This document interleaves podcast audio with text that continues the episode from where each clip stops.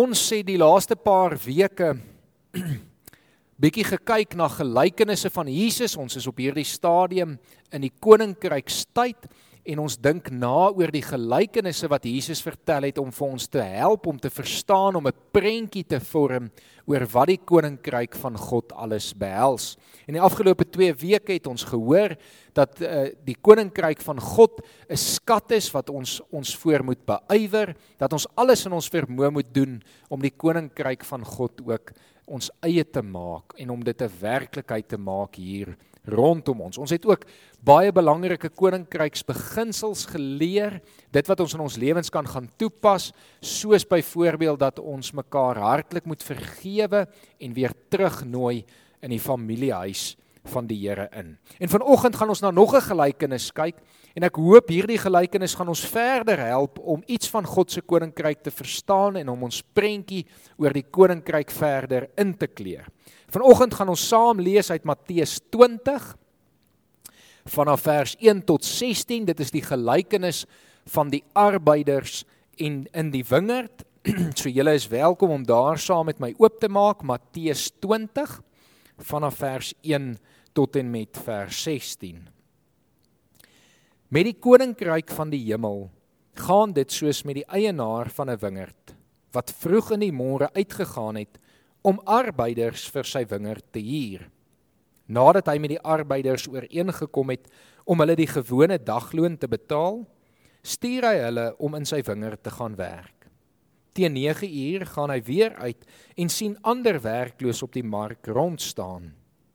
En hy sê vir hulle: "Gaan werk julle ook in my wingerd en wat billik is, sal ek julle betaal." Hulle is toe soontoe. Teen 12 uur en teen 3 uur het hy weer uitgegaan en dieselfde gedoen. Omtrent 5 uur gaan hy uit en kry ander wat daar rond staan en hy sê vir hulle: "Waarom staan julle heeldag werkloos hier rond?" Hulle antwoord hom: "Omdat niemand ons gehuur het nie. Gaan werk julle ook in my wingerd." sê hy toe vir hulle. Toe dit aand word, sê die eienaar van die wingerd vir sy voorman: Roep die arbeiders en betaal hulle hulle loon. Begin by die laastes en eindig by die eerstes. Die wat teen 5 uur gehuur is, kom toe en kry elkeen die gewone dagloon. Die mense wat eerste gehuur is, het gedink hulle sou meer kry. Maar toe hulle aan die beurt kom, kry hulle ook elkeen die gewone dagloon.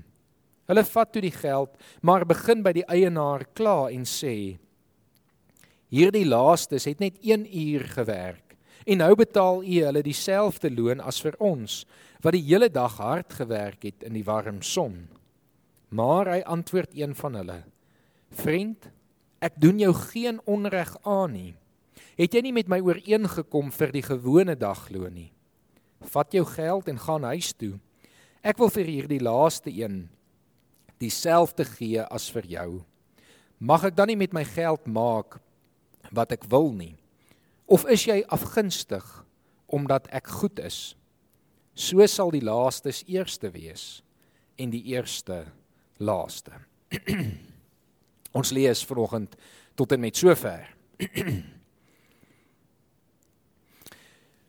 Soos 2 weke terug wil ek graag vanoggend eerstens net kortliks stil staan by die tradisionele interpretasie van hierdie gelykenis. Gewoonlik in die geskiedenis het meeste geleerdes na hierdie gelykenis gekyk en gesê dat hierdie gelykenis iets van God se genade aan mense vertel. Met ander woorde, hulle sou gesê die eienaar van die wingerd is 'n metafoor vir God vir God dan wat mense die arbeiders in sy wingerd laat werk hier op aarde mense roep om in sy diens te wees, maar dat die beloning vir almal dieselfde is. Dat God se genade vir almal dieselfde is en dat hierdie gelykenis dan spesifiek byvoorbeeld 'n boodskap sou gewees het aan die Jode wat alhoewel hulle eerste geroep was en uh, eerste in God se diens was, eerste die uitverkore volk was en vir baie lank al hard gewerk het. Hulle nie afgunstig moet wees teenoor byvoorbeeld die heidene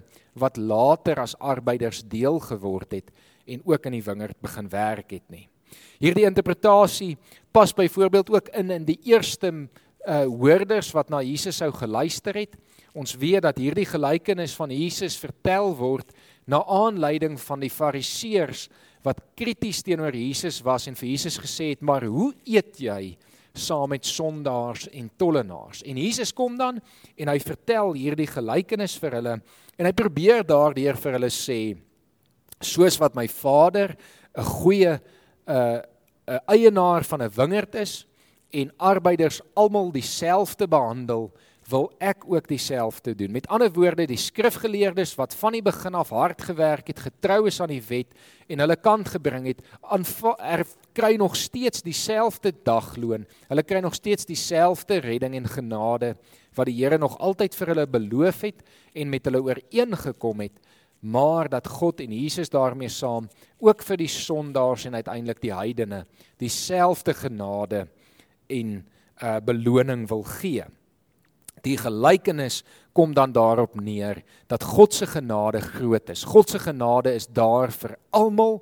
God se genade is dieselfde vir elke persoon. Dit maak nie saak hoe lank jy gewerk het, wanneer jy tot bekering gekom het nie. God se genade is daar vir almal. Vir die persoon wat heel aan die einde van sy lewe tot bekering kom en ook vir die persoon wat sy hele lewe lank die Here dien.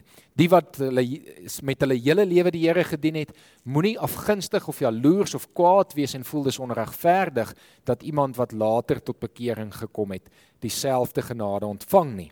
Want ons moet onthou dat God se genade bly genade. Omdat nie een van ons dit verdien nie, kan nie een van ons aanspraak maak op God se genade nie. Maar vanoggend wil ek hê ons moet so bietjie dieper in hierdie gelykenis ingaan.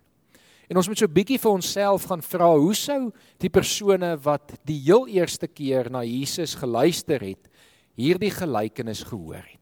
Wat sou hulle met hierdie storie gemaak het? En vanoggend wil ek basies die gelykenis net weer vertel en soos wat ek dit vertel, uitlig hoe die eerste persone hierdie gelykenis sou gehoor het. So Jesus begin hierdie gelykenis en soos met omtrent al sy gelykenisse maak hy gebruik van 'n alledaagse voorbeeld wat almal wat na hom sou geluister het baie goed sou geken het en verstaan het. Hy gebruik 'n beeld, 'n prentjie, 'n storie wat hulle almal geken het en deel van hulle uh da, alledaagse lewens was. En in hierdie gelykenis kom hy en hy sê God se koninkryk is soos 'n eienaar van 'n wingerd.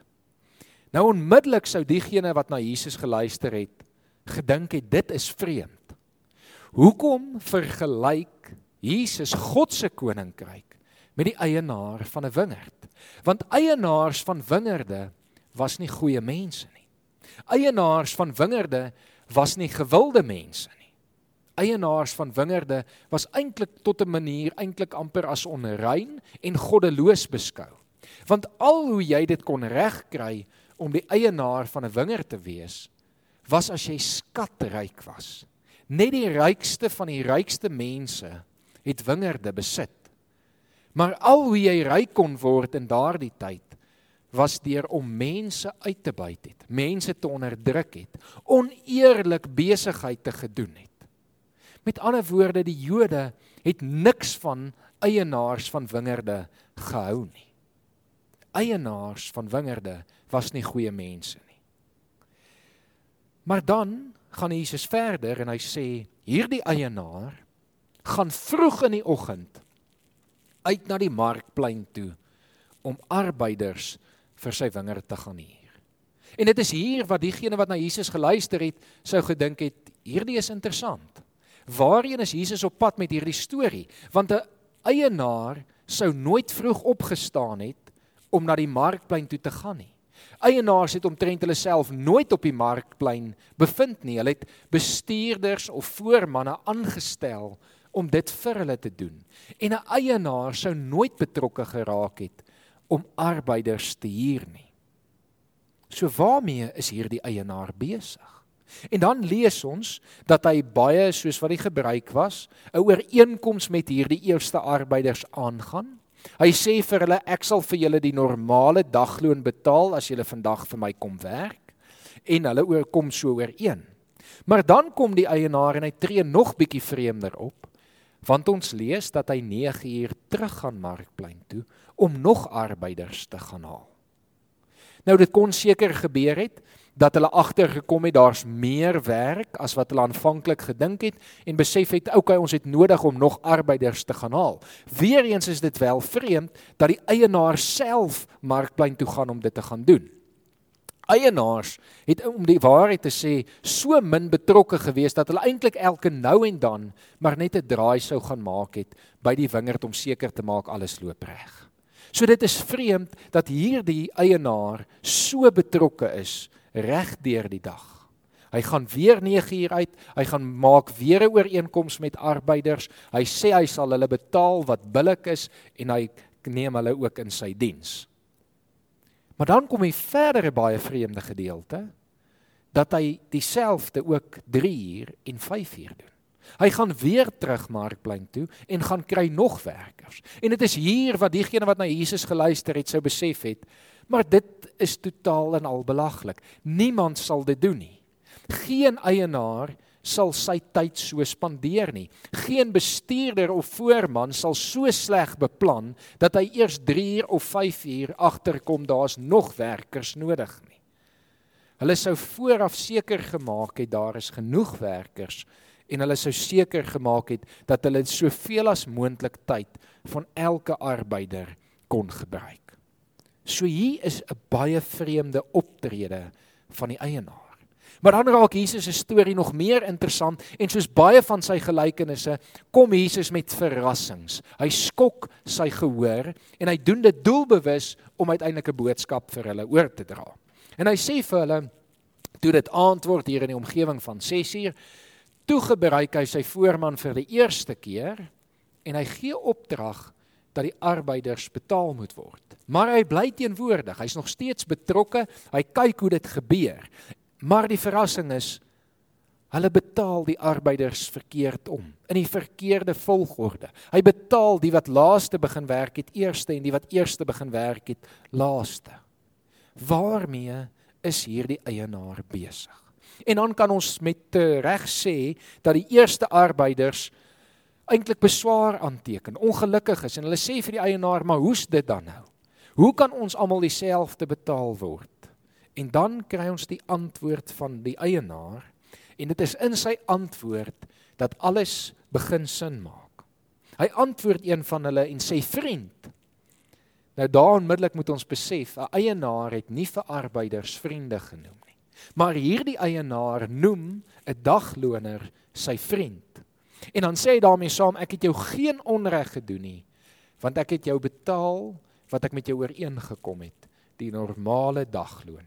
Vat jou geld, gaan huis toe, gaan sorg vir jou gesin. En dan laaste eindig hy. Is jy afgunstig omdat ek goed is? En dit is hier wat dit regtig begin sin maak. Hierdie eienaar noem homself goed. En ons het nou self al klaar vasgestel dat geen Jood ooit sou gedink het 'n eienaar van 'n wingerd goed is nie. So hoekom noem hierdie eienaar homself goed? Hy noem homself goed want hy is goed. Hy tree goed op. Sy totale vreemde optrede is vreemd omdat dit goed is. Hy is self betrokke by die hier van sy arbeiders. Hy self uh, gaan na die markplein toe na 'n slegte deel van die dorp toe. Daar gaan meng hy met die mense, die wat sou beskou geword het as 'n laer klas as hy. Hy gaan terug en terug. Hy's betrokke deur die dag by die wingerd. Hy betaal mense meer as wat hy hoef. Hy tree billik teenoor hulle op. En daarom kan ons sê hierdie arbe, hierdie eienaar is goed. Maar dan moet ons verder fyn lees.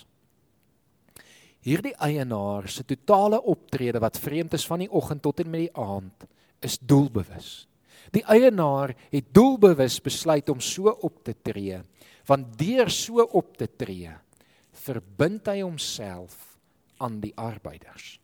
Hy verbind homself aan hierdie arbeiders en sluit so te sê 'n ooreenkoms met hulle wat eintlik langer strek as net die dag waarvoor hy hulle in diens geneem het. Deur hulle almal dieselfde dagloon te betaal en die een arbeider sy vriend te noem, maak hy dat die gaping wat daar is tussen hom en sy arbeiders verklein. Hy tree op as hulle versorger. Hy verbind homself om vir hulle genoeg te gee sodat hulle almal kan gaan lewe. 'n Dagloon het gemaak dat elkeen van hierdie arbeiders in staat was om vir sy gesin te gaan sorg. Hierdie arbeider doen hom hierdie eienaar doen homself in sodat sy arbeiders beter kan wees waar 'n normale eienaar mense uitgebuit het. Kom hierdie eienaar en hy help mense. Waar 'n normale eienaar mense onderdruk het, kom hierdie eienaar en hy lig mense op. Waar 'n normale eienaar oneerlik was sodat dit homself kon bevoordeel, kom hierdie eienaar en hy tree regverdig en eerlik op en help mense. En wat is dan Jesus se boodskap hiermee? Jesus kom sê Dit is hoe dit in God se koninkryk moet werk. In God se koninkryk moet die wat in staat is, in 'n posisie is om ander te kan versorg, dit doen.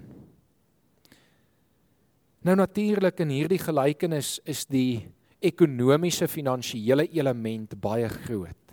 Maar tog gaan dit in hierdie gelykes oor baie meer en daarom ook dat die dat die eienaar die arbeider sy vriend noem daarom dat hy op 'n sekere manier met hulle omgaan. Dit gaan oor versorging nog verder as net finansiëel of ekonomies. En dieselfde geld vir ons vandag. As ons vandag na hierdie gelykenis luister, dan is die boodskap vir ons gaan maak julle ook so. Gaan versorg mekaar. As jy vandag in 'n posisie is om iemand te kan help, doen dit. As jy vandag in 'n posisie is om iemand te kan oplig, doen dit. As jy vandag in 'n posisie is om mense in diens te neem, doen dit. As jy vandag in 'n posisie is om om te gee, om te ondersteun, doen dit. Ek hoef eintlik nie vanoggend dit uit te lig dat ons in een van die moeilikste tye in 'n baie lang ruk in ons land ingaan nie of besig is om daar te wees nie. Ek hoef nie vandag uit te lig dat ongelooflik baie mense swaar kry, siek is, geliefdes aan die dood moes afstaan nie. Dat daar mense is wat emosioneel en finansiëel onder baie druk is. En hierdie boodskap van Jesus in hierdie gelykenis is om vir ons te sê versorg mekaar. Moenie toelaat dat die wêreldse sisteme en die wêreldse gebeurtenisse julle oorval nie, maar versorg mekaar want dit is hoe julle kan staande bly. In God se koninkryk het almal genoeg. In God se koninkryk is daar omgee. In God se koninkryk probeer ons nie net bo uitkom nie, maar versorg ons mekaar sodat almal almal uiteindelik emosioneel, finansiëel versorg is en oukei is. Jesus eindig hierdie gelykenis om te sê so sal die laastes eerste wees en die eerstes laaste wees. En dit is 'n 'n gedeelte, 'n frase wat Jesus 'n paar keer in sy gelykenisse gebruik.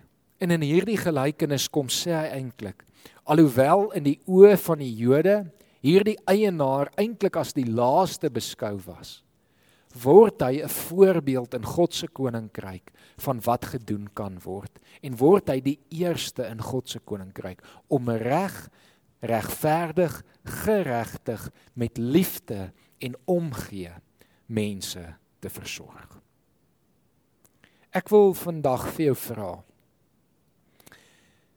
dat jy jouself sal verbind om aan jou medegelowiges, aan jou medemense veral hier in ons omgewing in die volgende ruk jouself te verbind om vir hulle om te gee om mense te versorg daar waar jy kan.